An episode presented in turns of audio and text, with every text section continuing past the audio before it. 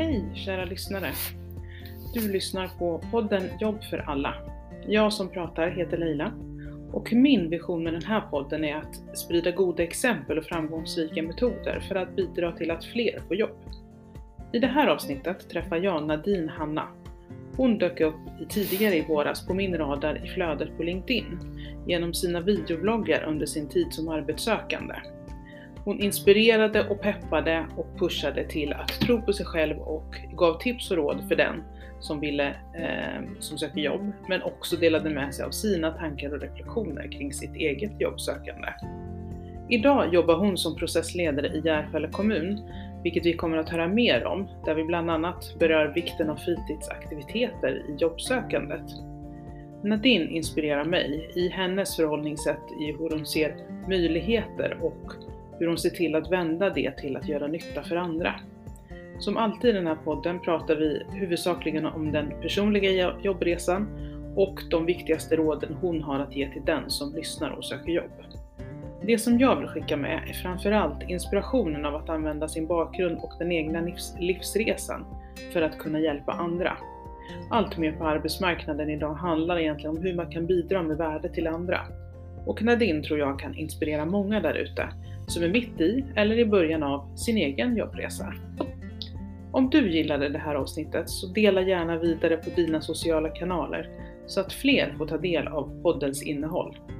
Jag vill passa på att tacka för att du väljer att lyssna och samtidigt rikta ett stort tack till Huset på höjden i Järfälla för att vi fick använda deras poddstudio.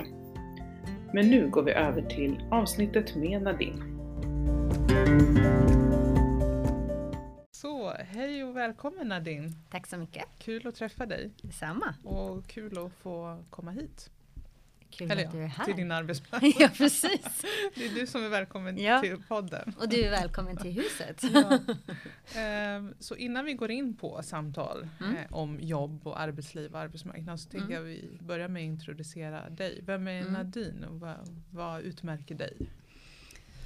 Vem är Nadine? Jag, man kan ju kan prata om sig själv på så många olika sätt. Eh, Jag är mest van att prata om det så professionella. Men ehm, jag skulle nog kalla mig själv som en, eller för en intraprenör. Vad det nu skulle Mm. kunna vara. Att jag eh, tycker att det är roligt att vara med och bygga upp saker och starta igång grejer. Och det, det skulle jag nog sammanfatta både privat och eh, professionellt. Eh, allt är sån här igångstartare med eh, evenemang, om det ska vara fester eller kalas eller vad det nu än är. Jag tycker om att göra folk glada. Så det är nog vad jag skulle så här, beskriva mig själv som. Eh, annars så är jag eh, gift och har två barn, fyra och åtta år gamla. Och eh, bor i ett eh, litet radhus utan en Volvo, utan hund. Ehm, är född och uppvuxen i Sverige med föräldrar från eh, Libanon. Mm. Ja, Var växte du upp någonstans då? i Skarpnäck. Ja, här i Ja. Stockholm då? Mm. Jag och Skarpnäck är lika gamla. Vi Mm. föddes samma år kan man Mhm. säga. Och vi flyttade in i det första kvarteret i Mm. Skarpnäck när det byggdes. Det var ju ett gammalt flygfält förut. Ehm, så när vi flyttade dit så var det inte så mycket folk som hade liksom flyttat in än. Men nu är det ju ett helt annat samhälle än vad det var då. När det Mm. var litet och nytt liksom. Ja, jag känner igen Mm. det där. Jag är själv född i Flemingsberg. Mm. Eh, och när min pappa flyttade dit, när det var helt nybyggt, då var Mm. det ju det var jättefräscht och det var ju tanken att locka dit liksom ehm, bildade arbetare. Ja. Eh, men sen på 70 och 80-talet så kom ju flyktingvågarna istället Mm. så fyllde på istället. Så det är en helt annan karaktär idag om när man Mm. säger Flemingsberg. Liksom. Ja. Och jag Mm. började ju min livsresa i Flemingsberg. Jaha. De första månaderna bodde Mm. vi ju faktiskt precis eh, i de här färgglada husen. Jag vet inte vad gatorna heter eller så, men eh, det är där jag ja, spenderar min första tid i livet i alla Ja. fall. De Mm. har sjukhusanknytning kanske. Exakt, jag var ju född på Huddinge också. Mm. Ehm, ja, men du har, vad gjorde du? Du växte upp i Skarpnäck däremot. Ehm, Precis. vad pluggade du? Jag eh, läste ett program Sen på högskolan tänker du eller Ja, läser, ja, tänker du gymnasiet? Nej, efter, alltså Efter. Högskolestudier. Då. Då sökte jag mig till ett program som heter Människa, natur och religionsprogrammet.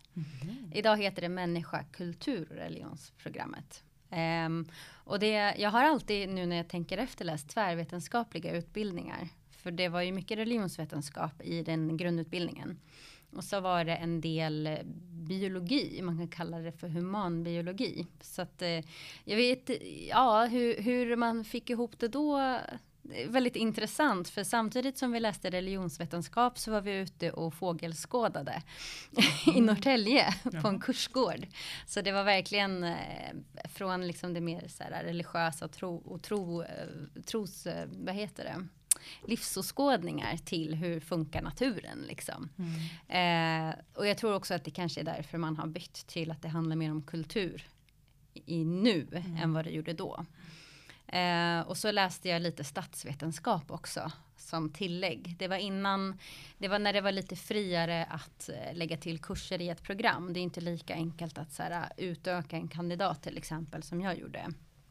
Så jag har en kandidat med eh, både religionsvetenskap och eh, statsvetenskap. Ja, det var en intressant kombination. Ja, men väldigt värdefull. Så då har man ju både tron och man har också liksom det mer så här logiska, teoretiska, eh, politiska med sig i liksom samma väska.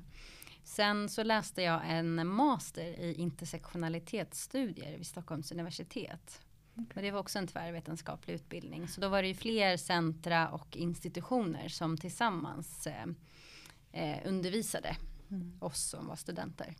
Vad var det som gjorde att du valde just den här inriktningen? Jag har alltid varit nyfiken på människor. Ehm, hur vi funkar och varför saker och ting är som de är. Jag är alltid en sån här, eller har alltid varit en sökare efter svar. Eh, och eh, som liten så fick man eh, kanske inte riktigt så här ordentliga förklaringar. Eh, om föräldrarna inte hade tålamod eller om vuxenvärlden liksom inte orkade med svåra frågor från barn. Eh, jag kan känna igen det lite i, i min egen dotter som har tusen frågor om allt. Och jag förstår ju att det blir väldigt intensivt. Så att, eh, det var nog därför jag intresserade mig. Bara för att jag ville få en förståelse för människor egentligen. Eh, Människor eller dig själv? Både och kanske.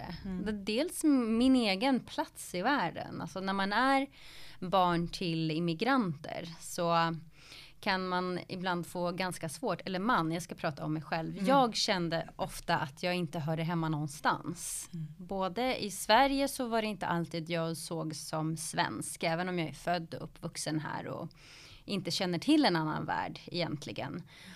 Och sen när vi började, när jag började bli äldre och vi åkte till Libanon på besök, då var jag ju inte libanes heller. För att jag var ju svensk. Jag var ju inte alls som barn i min ålder var där. Utan jag hade ju andra tankar och idéer om världen. Så då var det ju lite det här att så balansera, okej men jag hör inte hemma i Sverige. Eller jag hör hemma i Sverige, men jag kanske inte får ta den platsen som svensk som jag själv vill. Av min omgivning. Och när jag då identifierar mig med Libanon och sen är där, då är jag inte heller en av dem på samma sätt, för jag är annorlunda. Så det är nog en stor förklaring till mitt intresse av människor. Intressant. Mm. Jag känner igen det du beskriver. Mm. Det är exakt samma för mig med. Mm. Men, men det som skiljer mig åt däremot är att jag hade ingen aning om att jag var intresserad av människor. Jag var Nej. väldigt nyfiken på Alltså utforska mig själv och hitta min plats i, i livet. Liksom. Mm. Men, men när jag skulle liksom när jag var klar med gymnasiet, då hade jag ingen aning vad jag ville bli. Nej. Så för mig var det inte, det tog många år innan jag hittade liksom, ja, men det här ska jag läsa. Mm. Men när du började plugga Mm. eh, då, eh, du visste att du var nyfiken på människor. Vad, vad tänkte du att du skulle göra med det? Vad ville du jobba med? Liksom? Det hade jag inte tänkt på. Nej. Och det är lite min så här, det som är, man ska säga, att läsa praktiska utbildningar och teoretiska utbildningar. Så har jag ofta förespråkat så här i efterhand att det alltid ska knytas någonting praktiskt till alla utbildningar. För att jag, var, jag, jag gick på intresse enbart när jag pluggade, när jag valde vad jag ville läsa. Och sen när vi väl började komma in i utbildningen då började man ju prata lite om eh, yrkesval och yrkesvägar och sånt. Och, och då var det så här, ja men du är ju hur bred som helst. Du behöver ju mm. inte begränsa dig. Du kan ju göra allt. Och allt är jättesvårt också. För ja. det finns inget fack att placera en person som skulle kunna göra allt. Det finns ingen så specifik yrkeskompetens som en religionsvetare har om jag inte ska undervisa till exempel till religionskunskap. Mm. Det skulle jag ju ha kunnat gjort, men då hade jag ju behövt läsa pedagogiska liksom, kurser också för att komplettera. Mm. Och då behövde man kanske inte ha lärarbehörighet som idag med legitimation och sånt. Men det var nog det enda som var mer så självklart någonstans. För jag var ju inte beteendevetare. Och jag var ju religionsantropolog skulle man kunna säga. För jag hade ju åkt och gjort fältstudier. Men det var typ där det slutade. Mm. mm. Var var du då? I Libanon. Ja, det är klart man söker sig till sina man passar, man passar på. Jag var och besökte SOS Barnbyar. Mm. Det finns, jag tror det är fyra eller fem byar i Libanon och vi fick möjlighet, jag och mamma som följde med som tolk, ja.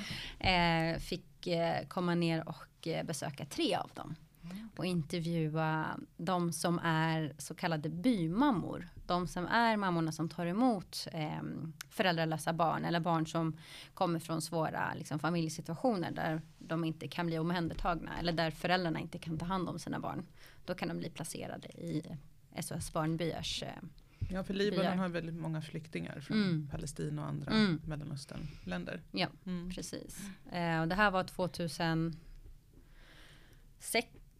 var det när vi var där. Mm. det var precis eh, innan eh, det sista kriget utbröt i Libanon som vi lyckades mm. åka hem. Ehm, men ja, så då fick vi träffa de här mammorna som viger sitt liv åt att uppfostra andras barn. Och det var väldigt fascinerande för mig att ta reda på varför gör man det? Så är det mm. mer existentiellt, liksom, vad är det som gör att du tar dig an den här stora uppgiften och blir förälder till barn som inte är dina egna och du liksom säger upp allt som du känner till i ditt eget liv och, och bara skapar ett helt nytt sådant.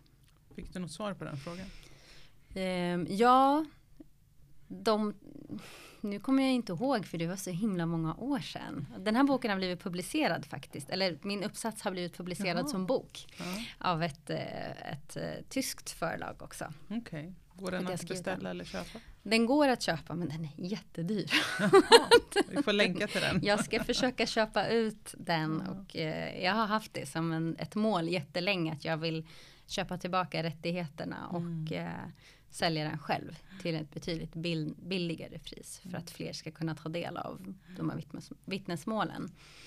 Men mycket, för vi hade en utgångspunkt kring så här, är det utav religion att det kanske är någon variant till att vara till exempel eh, att leva i celibat men att eh, få ha det här, um, den här mammarollen till exempel utan att behöva vara gift. Och det var lite den typen av varianter som fanns. Många var ogifta, en, några var gifta och hade egna barn men fick inte träffa sina barn. Det är så komplicerat mm, det här med vårdnad och sånt i vissa länder i Mellanöstern. För mm. att det är ofta mannen som har eh, full vårdnad om föräldrarna skiljer sig. Ja, så, så, att eh, det var av, av de anledningarna barnlängtan. Eh, mm. Men att man inte kanske behövde ha en partner. Mm. Eh, eller ville ha. Mm. Ja. Intressant. Ja. Um, men du, du studerade då, vad, men om vi tittar på vad var ditt allra första jobb? Eh, då jobbade jag på café uh-huh. i Uppsala. Mm. Eh, jag kom ju så här, jag eh, gick mina sista två år på högstadiet i Libanon. För mm. att eh, mina föräldrar skilde sig och pappa flyttade ner till Libanon. Så då åkte vi ner sommaren 2000, nej inte 2000, 90, gud vad kan det ha varit, 95 mm. tror jag det var. Jag var 13, skulle fylla 14 nej 97, 96. Mm, gud, åren bara flyter ihop.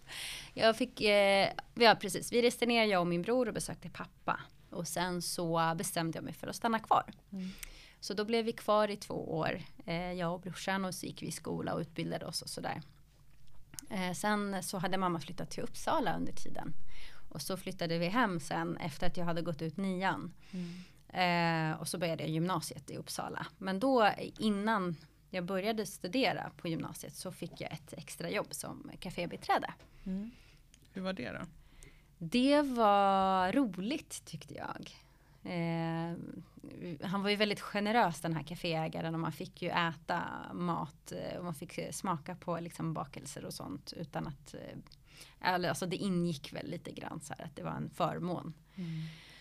Så det var roligt. Hur fick du det jobbet då? Mamma kände eh, kaféägaren. Ja, ja, den klassiska att, ja, kontakten. Ja, men precis. Mm. Så där jobbade jag ett tag. Sen gick, kom ju skolan igång. Mm. Och då blev det tufft. Att, för att jag jobbade heltid i början.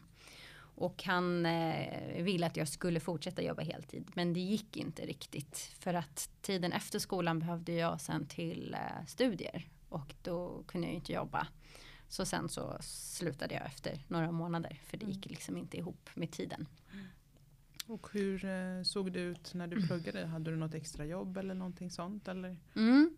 Senare, kanske året efter, så fick jag ett annat kaféjobb. Eh, och så jobbade jag där ett tag. Sen minns jag inte varför jag slutade jobba där. Mm. Jag tror att det kanske var för att vi flyttade längre bort. Så det tog tid för mig att åka fram och tillbaka eller någonting sånt. Eh, och sen tog jag ett nytt jobb när jag var 17 i alla fall. Då började jag jobba på Max. Hamburgerkedjan i mm. Uppsala. Mm. Mm. ja, jag kommer ihåg mitt allra första jobb var som restaurangbiträde på mm. restaurangen. Det var också via kontakter. Mamma mm. kände en som jobbade där. Ja. Men det var för mig en katastrof. Alltså det var, det var bara totalt misslyckande. Det var, det. det var inte min grej att jobba med, med den typen av jobb. Mm. Men eh, då lärde jag mig det. Ja men precis, då visste du vad som inte var din grej. Precis, precis. Mm. Men när du hade pluggat klart då, vad, vad hände sen jobbmässigt? När jag hade läst klart min eh, grundutbildning i Gävle, då flyttade vi till Stockholm och då var ju tanken att jag skulle börja söka jobb. Men någonstans på vägen så fick jag ju nys om den här masterutbildningen som var helt ny. Jag blev tipsad om den av en eh, vän. Och hon tyckte absolut att jag skulle söka den och det är bara jag ända ut i fingerspetsarna. Och så gjorde jag det och så kom jag in.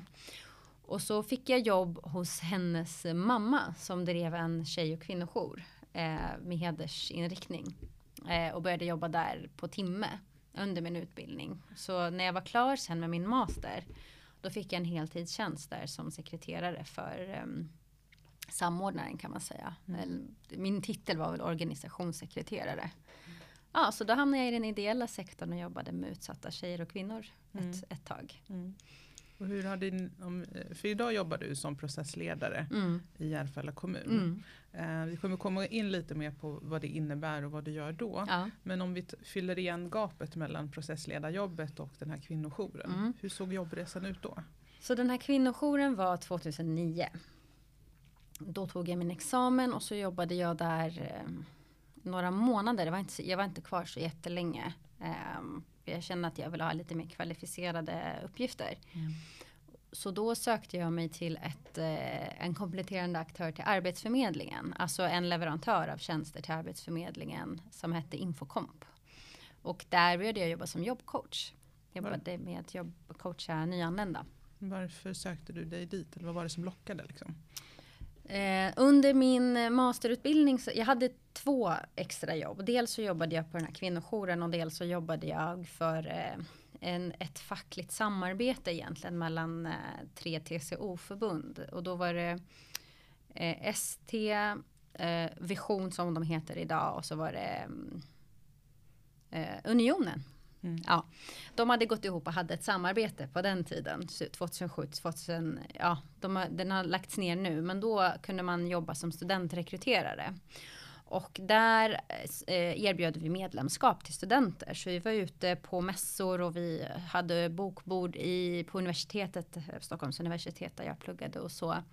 Och rekryterade medlemmar. Och i den anställningen så fanns det möjlighet till att så här, erbjuda CV-granskning. Vi kunde få CV-granskning själva från våra chefer som jobbade som ombudsmän på de olika förbunden. Um, så jag fick granskningar ganska ofta och jag kände att jag blev så bättre och bättre på hur jag skulle skriva CV och formulera eh, ansökningsbrev och sånt. Så det fanns kvar hela tiden. Uh, och jag liksom började bli mer och mer nyfiken på hur man kunde söka jobb på olika sätt. Och det var ofta så här, äh, föreläsningar som vi kunde vara med på och lyssna och lära oss väldigt mycket. Så allt det jag lärde mig, det ville jag så här, hjälpa andra med. Mm. Och sen så var det väl en våg där, ja men runt 2010 där det började komma väldigt mycket från Irak. Ehm, och då sökte man ju arabisktalande coacher bland annat. Ehm, så då sökte jag utifrån dels den kompetensen men också mitt fackliga liksom, uppdrag där jag hade inte jobbat så mycket med fackliga arbetsrättsliga frågor men mer med liksom, mm. hur ska studenter tänka kring karriär och hur ska de välja vilket fackförbund de ska gå med i och sådana här saker. Mm. Mm. Så det var därför jag hamnade där. Jag tyckte det var kul med liksom, rekryteringsprocesser. Mm. Mm. Hur var det att jobba som jobbcoach då? Det var roligt, mm. för det var väldigt eh, blandat vad man fick göra. Det var ju både att eh, dels ha rådgivning individuellt, sen ha som man skulle kunna säga CV-verkstad där vi hade datorer där de fick sitta och skriva CV och ansökningsbrev och vi gick runt och liksom hjälpte till och med formuleringar och sånt där. Och då var det ju inte bara arabisktalande, det var ju människor från hela världen egentligen som var där. Men en majoritet var arabisktalande och då från Irak. Um, så hade vi också föreläsningar, samhällsinformation, samhällskunskap kallade vi det för, arbetsmarknadskunskap, lite så här eh, bara info, liksom pass där folk fick lära sig mer om hur de ska tänka. Hur, ser det, hur jobbar Skatteverket till exempel? Vad gör Försäkringskassan? Bara så här intro till mm. svenska samhället. Mm. Mm. Vad är dina lärdomar från den perioden? För det, du var ju ändå ganska ny på arbetsmarknaden mm. själv också. Mm. Ja men precis. Alltså det jag lärde mig väldigt mycket det är att det, det fanns ett väldigt tydligt sätt att se på nyanlända och deras kompetens. Mm. Som jag inte alla gånger höll med om. Där man tyckte att eh, vilket jag kan förstå på ett sätt. Att så här, ja men nu är man ny i, en ny, eh, i ett nytt samhälle på en ny arbetsmarknad. Och eh, då behöver man kanske börja om lite grann för att mm. kunna ta sig vidare. Men jag, jag kunde också tycka att så här, många av de här personerna har ju en lång yrkeserfarenhet. Från olika yrken eller från liksom myndigheter. Så det kunde ha varit högt uppsatta personer som var hos mm. oss. Så verkligen högt, alltså alla möjliga befattningar och yrkesroller. Men där det var så tydligt att så här, här jobbar vi oss upp oavsett liksom vad vi har gjort tidigare. Och jag tyckte inte att man kunde liksom värdesätta utländsk erfarenhet. För att det inte fanns en svensk referens på CVt. Mm.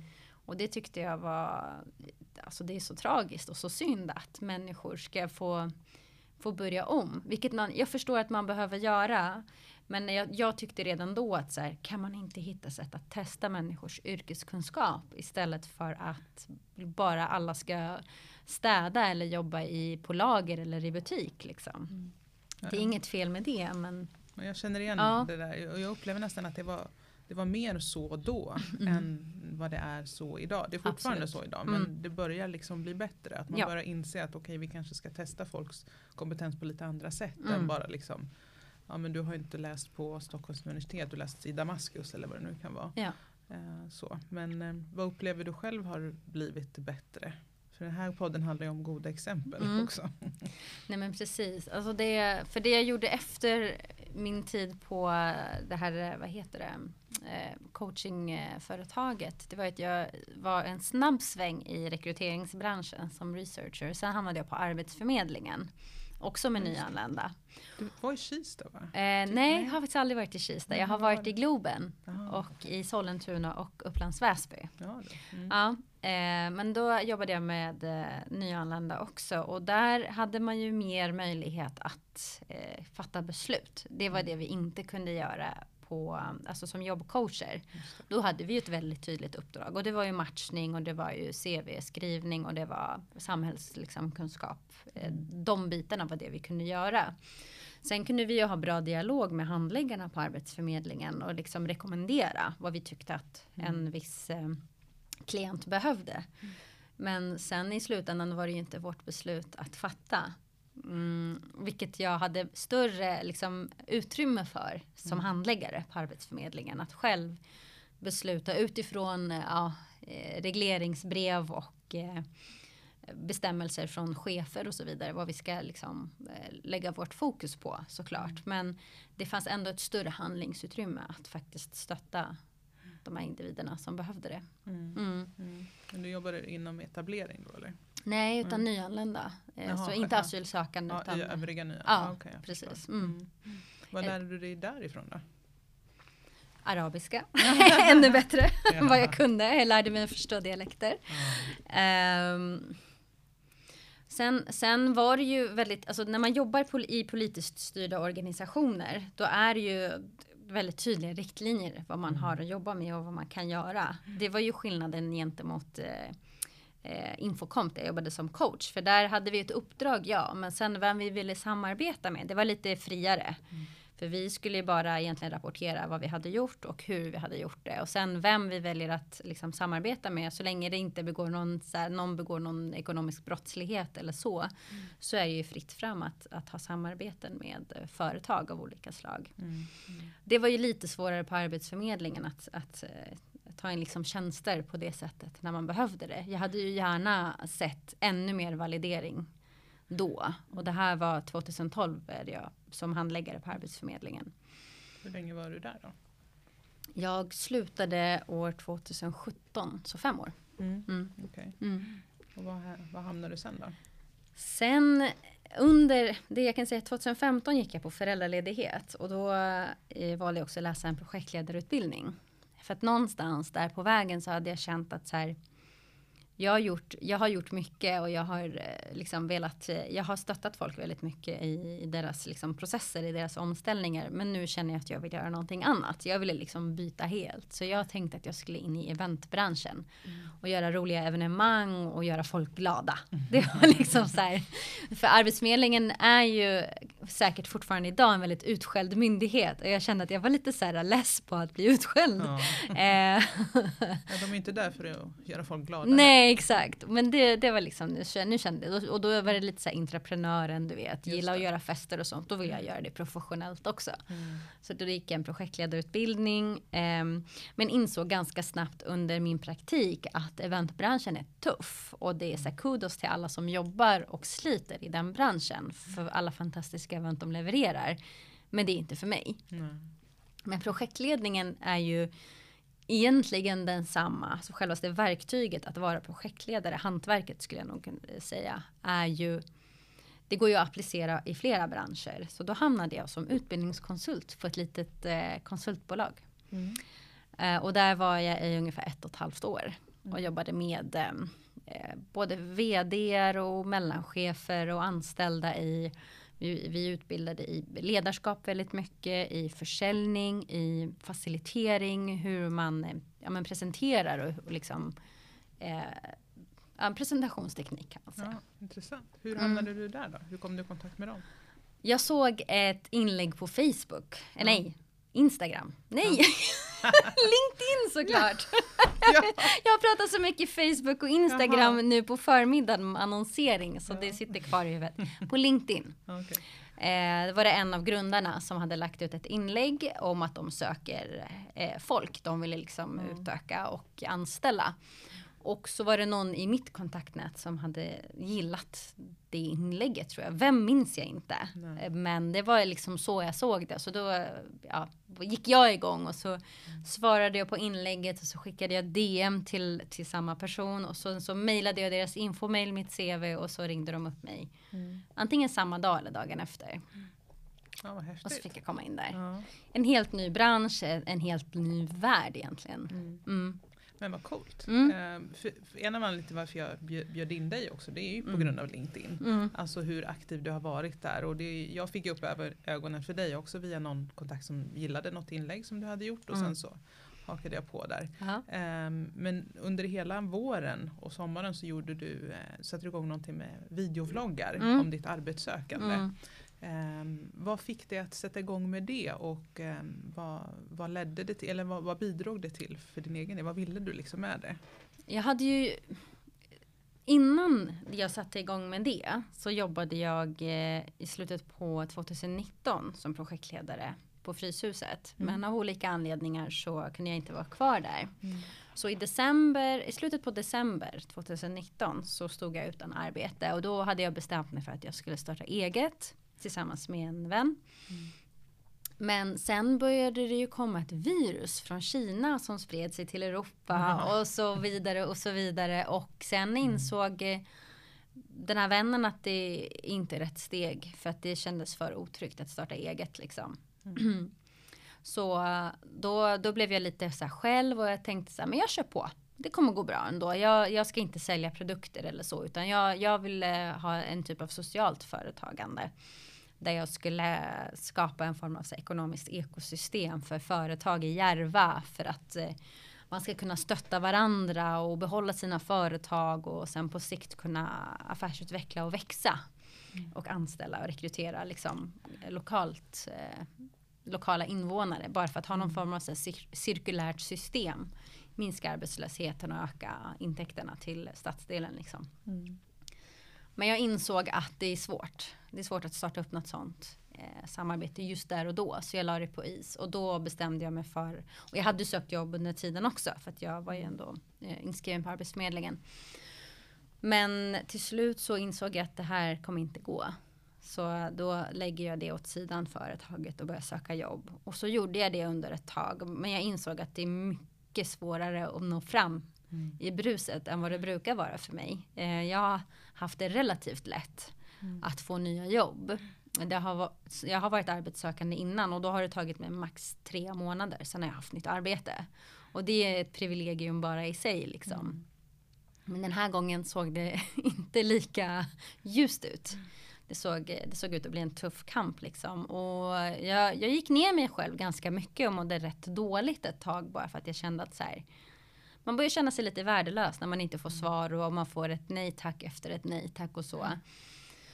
Så då gjorde jag först en video där jag la ut att jag söker jobb. Mm. Eh, och det var innan vloggen fanns med på kartan. För så har jag gjort förut. Det gjorde jag i, ja, efter, när jag fick sluta på det här konsultbolaget. Då um, la jag ut en video och eh, fick jättebra tips och liksom träffade på bra liksom, men, eh, chefer som var intresserade och så. Eh, Sen fick jag ett jobb på egen hand. Men mm. hur som helst. Så den här gången gjorde jag samma sak. Jag tänkte att det kanske kan ge någonting igen. Liksom. Det är ett bra nätverk. Eh, jag stöttar. Jag hoppas att jag också kan bli stöttad tillbaka. Liksom, nu när jag, när jag behöver det.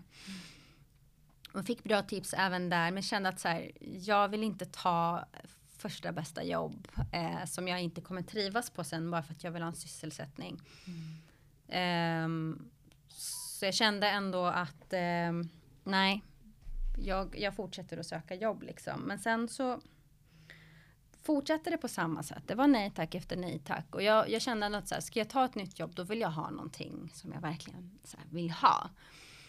Men jag insåg också att så här, jag kan inte vara ensam i den här resan. Eller jag vet att jag inte är ensam. Mm. Men det är ingen som pratar om det. Mm. Det är mm. ingen som är öppen med vad man går igenom från dag till dag liksom. Eh, och sen så hade jag ett, eh, en chatt med eh, en LinkedIn-kontakt och så sa han så här, men kör en blogg. Lägg, in, lägg upp ett inlägg varje dag om, om din liksom, process. Så jag bara, ja, då gör jag det. Och så mm. gjorde jag mitt första inlägg samma dag. Mm.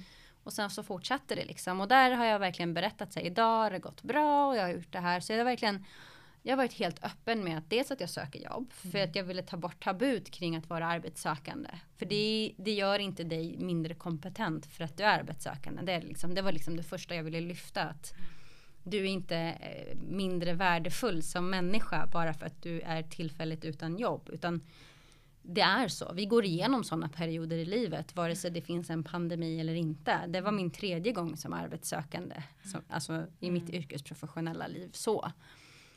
Men den här gången var det annorlunda just för att nu drog det ut på tiden. Och dels så var det ett sätt för mig att så, dela min erfarenhet med andra. Där de också fick känna att så här, ah, jag känner igen mig i det här. Vi är inte ensamma liksom. Så att fler skulle våga öppna sig och prata om det. Mm. Det var också en annan aspekt där jag kände att så här, jag får pepp, jag får feedback. Folk liksom uppmärksammar mig på ett sätt att jag kunde känna att jag fick tillbaka min egen värdighet lite grann. Även om jag blottade mig själv ganska mycket just för att jag kunde ta emot feedback och eh, pepp från människor som gjorde att jag orkade fortsätta söka jobb.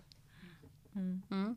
Ja, jag tyckte det var jättehäftigt för det, det var något inlägg du hade lagt om att eh, där du peppade folk eller utmanade folk att, att våga testa själva med Ja. och, och vlogga Mm. eh, i videoformat. Och Mm. testa bara själv hemma, du behöver inte ens lägga ut det, bara gör det bara hemma. Mm. Så jag testade det och jag tyckte Mm. det var jätteobehagligt. Visst är det det? Det är jättejobbigt att göra det första gångerna. Ja, gud ja. För jag, var så här, för jag kände också ett behov av att komma ut med någonting. Mm. Men jag visste inte vad. Nej. Så då, då, då testade jag det och kände nej men det är inte min grej. Och sen såg jag någonting som eh, någon hade lagt ut om just audio, Mm. audioformat och Mm. poddformat. Jag bara men där känns mer bekvämt. Mm. För, för, prata kan jag göra men det här med att man, man ska liksom se sig själv och det kändes lite obehagligare för min Ja. egen del. Och jag tror att det, man måste hitta sitt forum liksom och sitt sätt. Absolut. Men jag tyckte det var jätteinspirerande och jag tror säkert med, har du fått någon så feedback från folk eller vad har de sagt liksom på dina vloggar? Nej men mycket så här. Äh, för, för ibland så hade jag egentligen inget konkret så här, råd till folk. Utan det var mer så det här har varit min dag. Hur har din dag varit? Och ibland kunde jag komma med till exempel den här utmaningen. Och då var det en sån här 30 dagars utmaning. Att så här, varje dag. Och jag kan ge ut den igen nu bara för att vi sitter och pratar om det. Men då, då är utmaningen så här att du filmar dig själv eh, en väldigt kort snutt, typ en minut max varje dag. Och så första dagen filmar du och sen stänger av och så gör du ingenting mer med filmen. Och så dagen efter går du in och så tittar du på filmen. Och så gör du ett, ett nytt, liksom, såna, en ny film. Och så stänger du av och så liksom, rör du inte den under hela resten av dagen. Och så nästa dag tittar du på den. Och så gör man så i 30 dagar och då ser man sin egen utveckling. Liksom. Och som sagt, behöver inte lägga ut den alls. Så det kunde vara både den här typen av tips. Att man vågar liksom reinvent eh, sig själv. Återuppfinna sig låter så fel. Det är inte riktigt det, det ordet jag söker. Men så här, eh, man får testa sig fram och hitta nya sätt att få sticka ut. Sen var det, har jag också skrivit om så olika typer av CVn. Vad ska du ha med i det personliga brevet? Eh, ska man spela in videos istället för personliga brev? Så det var mycket så här synvinklar på arbetssökandet egentligen. Och det uppskattades väldigt mycket. Både i kommentarsfältet men det var mycket människor som också hörde av sig och bara tack så jättemycket. Det var jättebra att du liksom gav det här tipset. Det har jag testat och det gick så här till att så här, snälla kan du kika på mitt CV bara ge mig feedback så jag vet vad jag kan göra annorlunda. Och så var det en person som skickade ett CV och var så jättefrustrerad och bara jag kommer ingenstans. Ingen svarar på mina ansökningar. Varför? Så sa jag så men skicka CV och personligt brev så får jag titta på det. Så då skickade den här personen det och så tittade jag och så gav jag, jag gav så ljudfeedback så jag spelade in ljudmeddelanden. Och så justerade personen alla de liksom tipsen som jag gav och så. Och så fick jag svar typ en eller två veckor senare att den har blivit kallad på intervju och idag har den fått jobb. Liksom. Nej, så det var så kul. himla häftigt att så här, Ja. där var det verkligen hands-on, Ja. du vet feedback som ledde till någonting. Så det är väl egentligen den, det som har gett det mest. Mm, Ja. Kul. Mm, Ja. Jätteroligt. För du måste ju stärka dig själv också i, under den här resan. Verkligen. Mm. Och jag har ju, jag har ju själv tagit hjälp. Mm. Eh, så jag har haft en före detta kollega som också är en vän som eh, har sågat mina CVn och gett mig jättehårda så här. Eh, nej men alltså hon har verkligen varit brutalt ärlig och jag har uppskattat det så sjukt mycket för att jag kanske har gått runt och trott att jag har världens bästa CV. Jag tyckte ju det. Och sen när jag fick den där feedbacken så var det så här. Du vet en så här jättedjup inandning och så bara okej, då gör vi om det. Så jag Ja, har men gjort det är svårt. Ja, Det är svårt. Jätte. Ja. Man, man blir ju blind för sin egen eh, också. verkligen. Jag, jag, kommer, jag, vet, jag har också fått sån här sågning, på, Mm. eller inte sågning, det är mer så konstruktiv feedback. Ja. Liksom, att du behöver få fram det här mer. Ja, Men jag tycker att jag var tydlig med det. Ja. Men hon bara, nej du måste vara supertydlig. Ja. Alltså i princip använda samma ord och begrepp som de använder. exakt. Dels att man ska spegla men också Precis. så här. Släng inte med att jag är flexibel och jag Nej. är det här och jag är ditten och Mm. datten. För det kan vem som helst skriva. Mm. Förklara, vad kommer du att leverera och vad har du gjort tidigare? Det är liksom Mm. så två jättetydliga liksom, exempel som jag fick. Där jag egentligen inte gav några bra exempel på vad jag kommer att tillföra. Utan mer så här pratade att jag värderar högt och jag eh, inspireras av. Och så här, Mm. Vad, vad, vad, vad liksom kommer du att leverera då? Det är ju det arbetsgivaren vill veta lite Mm. grann. Så det, det var verkligen så här en, en, eh, en riktig så här, ursäkta ur ordvalet käftsmäll. Men Ja. ändå så här på ett bra sätt. Ja. Jag uppskattade det och jag tog aldrig liksom illa vid mig på något sätt. Mm. Eh, sen fick jag eh, stöd från en annan kontakt på LinkedIn som sågade det CVet som jag hade skrivit. Jaha. Och så bara nej, jag har gjort det här i många år, gör på det här sättet istället. Mm. Så här, skit i hur många, ursäkta mig, strunta i hur många sidor det är. gör bara som jag säger, det kommer att funka liksom. Okej. Och så fick jag jobb. Ja. så att, Ja, så det gav Ja. resultat. och det är ju lite smaken är delad. Alltså Ja. alla tycker ju inte om ett visst typ av CV. Nej. Och sen får man ju skilja på sektor också. Ja. Söker du till, kommun, till kommun, söker Mm. du till stat, söker du privat, söker du ideellt. Precis. Alltså det, man måste ju anpassa till varje bransch. Liksom. Verkligen. Eh, Men eh, det här jobbet som processledare då, Mm. om vi går in på det. Mm. Hur, hur, fick du det? det Mm. Jag gissar att det var på annons. Men Mm. eh, hur var den processen för dig och eh, vad gör du idag? Eh, Precis, jag fick tips från en, eh, en annan kollega från Arbetsförmedlingen faktiskt. Eh, Vi gick igenom samma process i förra våren, 2019. Då sökte vi båda jobb, så vi träffades och stöttade varandra och sådär. Eh, och sen när jag var liksom på jobbsök igen nu i början på året så skickade hon den här annonsen och bara du måste söka, det här är så du. Och så tänkte jag först att det här är ju en projektanställning. Den är eh, tidsbegränsad. Så jag har en anställning på åtta månader. Och eh, då tänkte jag så här, nej. Mm. Det låter som jag, men jag tänkte så här, nej, nej, jag vill inte söka den. Jag vill ha ett jobb som kan leda till tillsvidareanställning. Sen glömde jag den i några dagar och sen så gick jag in, eller så såg jag den igen i typ så här, du vet jobbrekommendationerna man får på LinkedIn. Mm. Så dök den upp där och så tänkte jag så här. Det måste finnas en Mm. anledning till varför jag ser den här igen. Eh, så gick jag in och tittade igen och så kände jag verkligen så att det här är ju jag. Och jag kanske bara ska släppa mina egna begränsningar och söka jobbet liksom. Bara testa och se. Det är ju bättre att ha ett jobb än inget jobb alls.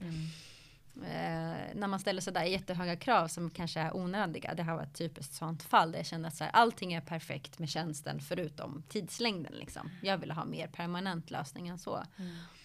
Eh, men, men sen också när man har varit arbetslös i åtta månader och känner att så här, det funkar, livet funkar ändå. Jag går inte under, jag kan eh, liksom ställa fram mat på bordet för att jag har en partner och jag har gett mig själv den tiden att, att liksom hitta rätt jobb. Och det här var rätt jobb. Så Mm. jag sökte det, fick komma på intervju digitalt eh, och sen så var det inte så mycket mer än så. Jag, jag fick liksom erbjudande om jobbet och så tog jag det. Mm.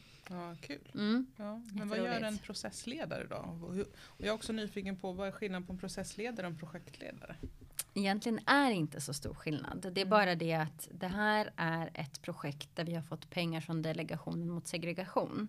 Eh, Delmos förkortat. Mm. Och eh, det är ett projekt där man vill jobba med att motverka segregation och öka integrationen och medborgerlig dialog i socioekonomiskt utsatta områden i Järfälla kommun. Väldigt politiskt Väldigt korrekt politiskt korrekt. Ja, men egentligen så här. Vi vill nå ut till människor som kanske inte liksom använder sig av sina rättigheter, dem- demokratiska rättigheter som medborgare.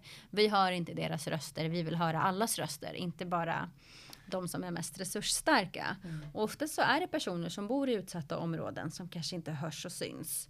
Eller inte kanske, de hörs och syns inte lika mycket som eh, det skulle behövas för att man ska kunna jobba så bra som möjligt med integration och Mm. demokratisk aktivitet. Så i det här projektet så är det tre processer. Varav en av dem är den som jag jobbar med och det är där jag processleder. Mm. Det är därför jag är en processledare och inte en projektledare. Okej. Mm. Mm. Så det är egentligen eh, bara en fråga om liksom, formalia. Mm. Det är ju ett projekt i projektet som jag jobbar med som heter Sänk trösklarna. Projektet heter Stärk dialogen för övrigt. Ja. Eh, och eh, den täcker egentligen hela Järfälla kommun. Men just Sänk trösklarna som jag jobbar för det, det är ju en process egentligen för det här huset som du och jag sitter i som heter Huset på höjden. Mm. Och det är ett kultur och aktivitetshus som ligger på Söderhöjden I- som är en del i Jakobsberg. Mm, som är identifierat som ett sånt här socioekonomiskt utsatt område. Och vi vill att fler ska hitta hit. Vi vill att fler ska få information om att huset existerar. Och vi vill nå ut med information om vad man kan göra här. Just nu är det svårt. Vi är mitt mm. i en pandemi där liksom antalet smittade ökar. Så vi har inte så jättemycket verksamhet idag. Men det finns allt ifrån musikcoachning till syateljé till eh, aktivitetscafé där man kan komma och umgås och träna på svenska och bara liksom pyssla. Till att du kan boka en filmstudio och göra en egen film. Alltså det finns verkligen högt och lågt. Och det vill vi nå ut med. Mm. Eller som vi, vi sitter i poddstudion och spelar in en podd. Exakt, ja. det finns även en poddstudio. Det finns dansstudio, dramasal. Alltså egentligen alla typer av kulturella aktiviteter kan du utöva i det här huset. Mm. Och det finns även ett kök där man kan ha matlagningskurser. Vi har ett café som heter Uriate där du kan komma och ta en kopp kaffe och liksom fikabröd om du skulle vilja. Så, så det här huset har så oändligt stort potential för bo, de boende i, i kommunen. Men det är ett, ett, ett fåtal som har hittat hit. Mm. Och det är därför vi kallar den här processen för sänk trösklarna. För vi ser att det, det är för högt steg att komma hit. Dels behöver vi bli, bli mer tillgängliga för de som bor här i området. Men också att vi, vi vill ju veta vad folk vill ha. Mm. Det är ju lätt för oss att sitta och tänka att så här, men vi tror att människor vill ha den och den aktiviteten på den och den tiden på den och den dagen. Liksom. Mm. Men det är ju det är det som är misstaget som man kan göra. Att man, går, att man tror vad folk vill ha istället för att faktiskt prata och kommunicera med människor och ställa frågor. Hur gör ni det idag då med tanke på pandemin? Vi har ju eh, mycket, mycket av våra aktiviteter kommer ju från föreningar till exempel i, i området, lokala föreningar som erbjuder läxhjälp och det finns en eh, förening som heter Unga Mål som har eh, dancehallkurser för barn mellan 6 och jag tror det är eh, 17 ungefär. Eller det kanske är lägre. Jag är osäker. Mm.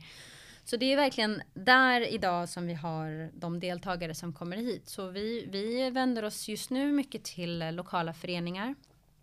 För att eh, se vad deras medlemmar är intresserade av. Vi har liksom haft allt från så seniorverksamhet där Eh, pensionärernas riksorganisation har haft en eh, bioklubb för seniorer. Vi har en biograf kan jag säga också. Ja, till att så här, som jag sa, allt, allt. det finns allt här. Ja. Um, och, och just målgruppen seniorer just nu har ju inte varit här på väldigt länge av förklarliga skäl. Mm. Men, men barn finns, eh, det finns verkligen hur mycket som helst som man skulle kunna göra. Och, eh, så vi vänder oss egentligen till föreningar för mm. olika målgrupper och börjar där och mm. ställa liksom frågor. För att de når ju ut till ett större antal invånare än vad vi gör. Mm. Och sen prata med liksom lokala aktörer som är aktiva, som är liksom välkända i området till exempel. Mm. Eh, också ett annat sätt att, att försöka nå ut. Men det, och det blir ju svårare för, för min roll är ju egentligen väldigt uppsökande. Mm. Jag ska ju vara ute och träffa föreningar, gärna ut till dem så att inte alla behöver känna att de måste komma till mig på huset på höjden. Men den typen av verksamhet kan jag inte bedriva just nu. Så mm. då gör vi så mycket vi kan digitalt. Att liksom ha fokusgrupper är ett sätt. Bjuda in personer till sådana här möten där jag får möjlighet att ställa frågor och tanka av liksom deras reflektioner och idéer på mm. vad de vill se på huset på höjden till exempel. Det jag vill göra är att bjuda dem på mat. Ja. det kan jag ju inte heller Nej. göra. Det är alltid trevligt att samlas över en bit mat liksom. Ja. Det går ju hem i alla lägen tycker jag ja. i alla fall. Men just nu så får jag Mm. För att hitta andra sätt. Ja, ja men det är ju det är bra, man blir utmanad och jag tror att oh, det är ja. ganska bra för samhället att hitta andra sätt att mm. nå ut på folk, eh, mm. nå ut till folk. Mm. Men varför menar man på att det är så viktigt att ha den här typen av aktiviteter? Vad tror man att det ger för mervärde? Liksom? Till exempel så har vi ju musikstudios och mm. där är det ju störst andel unga som kommer och spelar in ja. musik. Eh, antingen på egen hand eller genom den musikcoachning som vi har haft. Eh, och det blir ju ett sätt att, att spendera sin fritid på. På ett kreativt och liksom eh, ett mer eh, trygg, tryggt sätt egentligen. Det skapar ju en form av trygghet. Det här blir ju och kan vara en, en stor mötesplats för människor över eh, eh, vad är det jag vill komma till? Generationer, ja. exakt. Mm. Eh, där man kan mötas, man kan vara aktiv, man kan skapa tillsammans. Där, där liksom unga och vuxna och seniorer och barn, alla ska känna att de har en plats här och att de är välkomna hit och att det finns någonting för dem att göra. För det innebär ju också att är man här och är man aktiv då är man inte någon annanstans och liksom utsätter sig själv för risken att hamna i fel miljöer mm. som kan vara väldigt destruktiva. Mm. Ja men det är sant. Mm. Eh, med koppling till det, för jag, jag, jag, vet i jobbsammanhang så ställs oftast den här frågan vad gör du på fritiden? Mm. Eh, och jag vet när jag själv växte upp, eller inte när jag växte upp, när jag får den frågan så har jag mm. haft väldigt svårt för att svara på den mm. frågan. Just av den enkla anledningen att jag har inte haft någon sån aktiv fritid. Mm. Utan de flesta som, och jag tror att de flesta känner igen det om man växer upp med utländsk bakgrund och har mm. invandrarföräldrar. Det finns inte, man har inga fritidsaktiviteter, att man går ut i skogen och plockar svamp eller vad det nu kan vara. Mm. Utan fritiden ägnas åt att bjuda hem släkt och vänner mm. eller gå hem till släkt och vänner. Liksom. Det är det man ja, gör. Det är ja. det som är fritidsaktivitet. Och så laga mat möjligtvis. Ja men exakt. Ja. Men vad, hur, och, och då tänker jag att det, det, är väldigt många som växer upp nu i Sverige. Mm. Bor i Sverige och växer upp i Sverige som mm. inte har den här, som har samma bakgrund och som mm. växer upp med att jag har inga fritidsaktiviteter. Nej. Utan det är släkt och, och familj liksom, mm. eller vänner. Mm. Men det här huset ger möjlighet till folk att utveckla fritidsintressen ja. eller aktiviteter. Mm. Så på så sätt så ger det ju liksom en ökad möjlighet på arbetsmarknaden. Oh, är min ja. långsökta tolkning. Liksom. Ja, ja men precis. Alltså, och jag tänker också att rent generellt så värdesätter ju också eh, till exempel arbetsgivare din fritid allt mer och mer? Har du ideella engagemang? Eh, är du med i föreningar? Eh, jobbar du med liksom, ah, vad vet jag, eh, att, att stötta andra i olika situationer. Så att det, ditt ideella eller ditt fritidsengagemang blir ju ibland lika värdefullt som eh, ditt mm. professionella mm. liksom, yrkesval. Mm. Så att eh, det här, den här mötesplatsen blir ju en så, ett sånt forum där du som du säger kan sätta mer rader på ditt CV om man nu vill använda det som mm. ett. Eller bara så här, att, att få nya perspektiv på, på livet egentligen. Jo men så är det verkligen. Mm. Eh, men förutom att ni har eh, påverkats av pandemin att ni inte kan liksom bedriva uppsökande verksamhet mm. Ehm, som, som var tanken. Liksom. Mm. Eh, vad finns det för aktiviteter idag som är pandemivän, pandemivänliga? Liksom? Alltså, om man utgår från det jag gör själv så jobbar jag väldigt mycket med att eh, bygga upp processer för det som kan göras efter pandemin. Mm. Vi har tittat lite på så här, vad, vad kan vi stötta vårt lokalsamhälle i? Vad kan vi stötta invånarna i? Och jag vet att en av mina kollegor har tidigare haft eh, träffar med föreningar som har varit aktiva här. Och då har det kommit upp vissa önskemål till exempel att ha huset som en mötesplats. Mm. Och det går ju kanske inte riktigt just nu. Att man har velat ha typer av stöt, eh, stöttning kring typ hur man håller ett årsmöte bara att det kanske finns någon så här väldigt kunnig på plats så att man kan hjälpa kanske fler föreningar som väljer att ha årsmöte en dag mm. och så kan man ta hjälp av kunniga som är jätteduktiga på liksom eh, ja, men hur, man, hur man bedriver möten egentligen. Alltså så här, möteskunniga. Det kan ju egentligen vara vem som helst. Mm. Så det, det är liksom ett, ett asp en, en aspekt som vi har jobbat lite med men som vi inte kan göra någonting åt mer än att bara liksom resonera kring och planera. Mm. Men en annan grej som vi gör aktivt nu det är ju att vi har eh, också fått liksom hintar om att föreningar vill ha hjälp med hur de kan finansiera sin verksamhet. Alltså hur kan de söka pengar för att kunna ha projekt eller en engångshänd eller engångsaktivitet eller så. Mm. Så då har vi fått möjlighet att ta in eh, ett, eh, en organisation som heter Funkibator som kommer att hålla en föreningsutbildning digitalt mm. i slutet på januari nästa år. Och där har vi, det är ju en, en, en väldigt så här, specifik aktivitet som vi kan bedriva digitalt.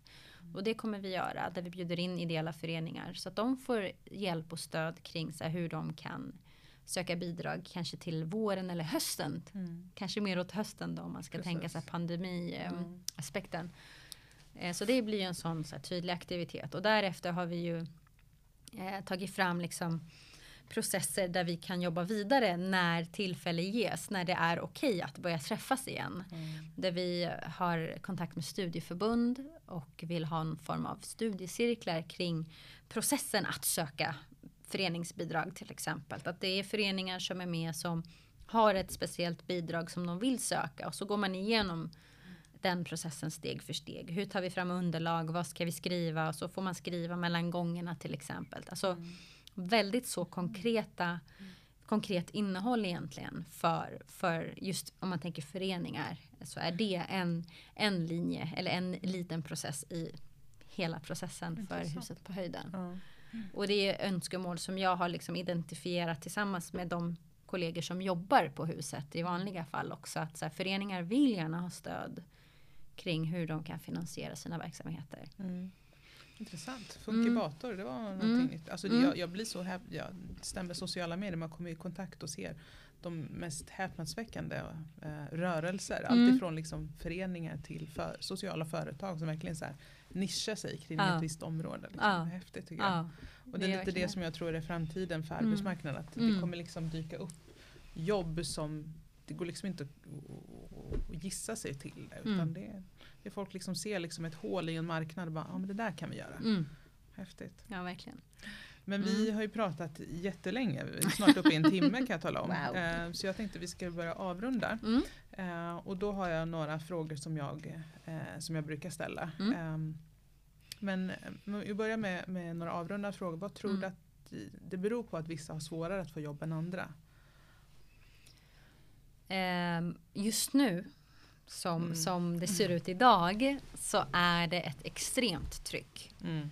på arbetsmarknaden. Mm. Eh, vi söker ju till exempel ett, en vikarierande vaktmästare. Mm. Och tjänsten har inte legat ute alls länge men vi har över hundra sökanden redan nu. Så bara där har du ett svar. Det är mm. så många fler som söker de här jobben än vad det brukar vara. Människor som har varit trygga på sina arbetsplatser i flera år har helt plötsligt fått mattan undansvept liksom. Och så är man där i en situation som man aldrig trodde skulle komma. Där man behöver ställa sig inför att söka nytt jobb. Och eh, ja, sen kan det ju handla om så här. Alltså det, det, det, kan vara så himla mycket egentligen. Men jag tror dels så är det det som är det svåraste. Mm. Att, att man gör på ett och samma sätt oavsett vilket typ av jobb man söker. Kan vara en annan faktor. Att man inte som jag gjorde liksom reinventade sig själv. Alltså typ ta hjälp av någon. Eh, behöver inte vara en expert men någon som du känner att du har förtroende för och låt dem granska dina mm. handlingar. Alltså det kan ju vara också en sån grej att man, man kör bara på skicka det där CVt ut till allt och alla. Eh, kör samma personliga brev som man kanske inte har mm. liksom, mm. anpassat. anpassat. Mm. Eh, det kan vara en sån enkel grej. Eller att man, man kör den här klassiska, jag eh, har de här egenskaperna och jag drivs av det här och därför vill jag jobba hos dig. Att man, man kanske inte är tillräckligt specifik med varför just man mm. själv vill ha ett jobb. Mm. Eh, och, och, när det är så många som söker så är det ju desto viktigare att just du visar varför just du vill ha mm. ett jobb. Mm. Ja mm. men det tror jag är. Mm. Eh, både den som söker jobb men också den som söker arbetskraft. Mm. Behöver, och det är väldigt mycket man pratar om just det här med rekryteringsprocessen. Mm. Att då måste man ju sålla på ett annat sätt ja. än via ett personligt brev. För har du hundra sökande mm. Då dels så blir det att du missar många för att du liksom måste ögna igenom ett CV som kan se ut på hundra olika sätt ja. till att börja med. Liksom. Mm. Så då måste man hitta processer och mm. verktyg där. Mm. Men eh, om du fick vara arbetsmarknadsminister, vad mm. skulle du göra eh, och fokusera på för att få till en bättre arbetsmarknad? Oj vad svårt. Arbetsmarknadsminister är, är, en tuff roll. För där mm. handlar det ju så mycket mer om så här, um, ja, men där, det handlar ju till exempel mycket om ja, men Arbetsförmedlingen till exempel. Mm. Den här mm. typen av stora myndigheter som man ska mm. reglera liksom, och fatta beslut kring vad de ska fokusera på. Och där tänker jag att eh, skulle jag vara arbetsmarknadsminister idag då skulle jag eh, lägga jättemycket vikt vid att låta folk få utbilda sig till exempel. Um, och också ge fler stöd i sin omställning generellt. Mm. Så en del, en del företag har ju avtal med trygghetsstiftelser av olika slag, sådana omställningsråd mm. som finns. Mm. Och det finns ju en uppsjö för olika branscher och så. Jag skulle vilja se att det fanns den typen av verksamheter för folk som inte liksom har haft den typen av möjligheter genom sina företag. Mm.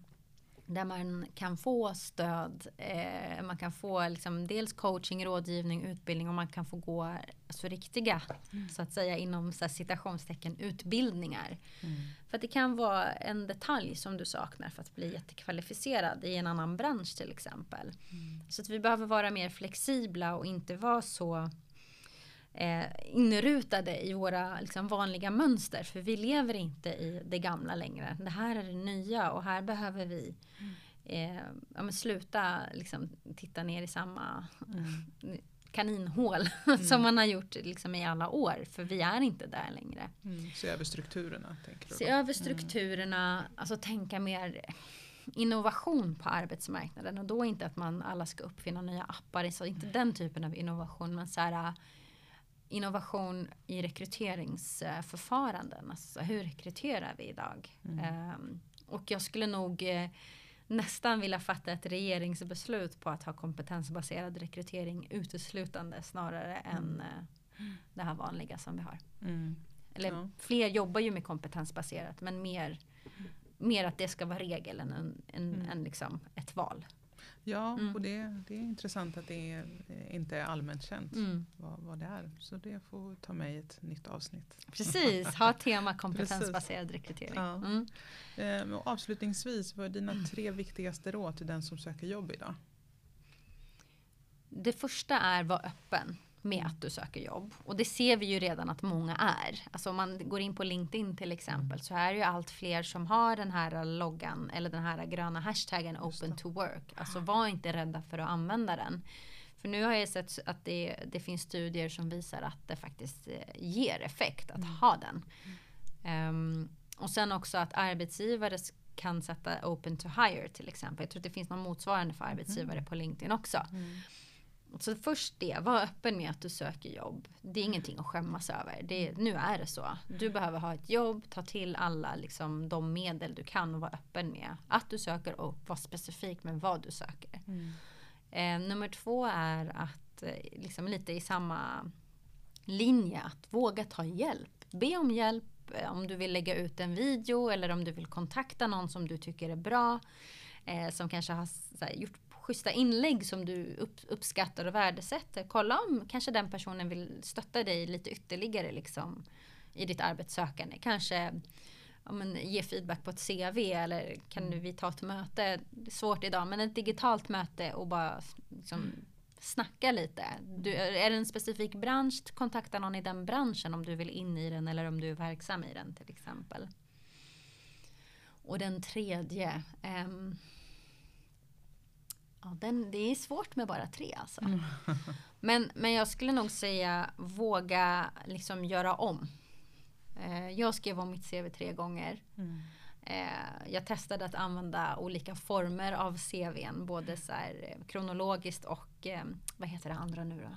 Funktionell. Funktionellt ja. CV. Och det är två helt olika varianter och de ser helt olika ut. Och där är det verkligen delade åsikter om vad som funkar. Men jag skulle säga våga. Våga testa nytt. Mm. Och det är ganska enkelt att googla fram. Ja. Mm. Det finns jättemycket mallar att använda. Det finns till och med ja. mallar i Word till exempel. Mm. Där man bara kan ta, ta fram och testa en. Ja. Canva mm. är en bra gratisfunktion på nätet. Kan jag Canva, just det. Ja. ja. Mm. Eh, toppen. Mm. Eh, ja, men tack så himla mycket Nadine. Det här var jätteintressant och jag tror vi skulle kunna prata. Det är jättemycket jag vill prata mer om. Men, eh, toppen, tack för att du, du ville vara med. Eh, och för den som vill komma i kontakt med dig, hur gör man det på bästa sätt? Då mejlar man mig Antingen att, eller i och för sig man kan skicka DM på LinkedIn. Nadine Hanna heter jag där. Eller så kan man mejla mig på nadine.hanna.jarfalla.se. Mm. Ja. Mm. Yes, om man vill ha, vara med i huset på höjden. Ja, kom, mm. var med. vi planerar tillsammans ja, tills när vi får ses igen. Härligt. Mm. Ja, ha en fortsatt trevlig dag och helg. Tack detsamma.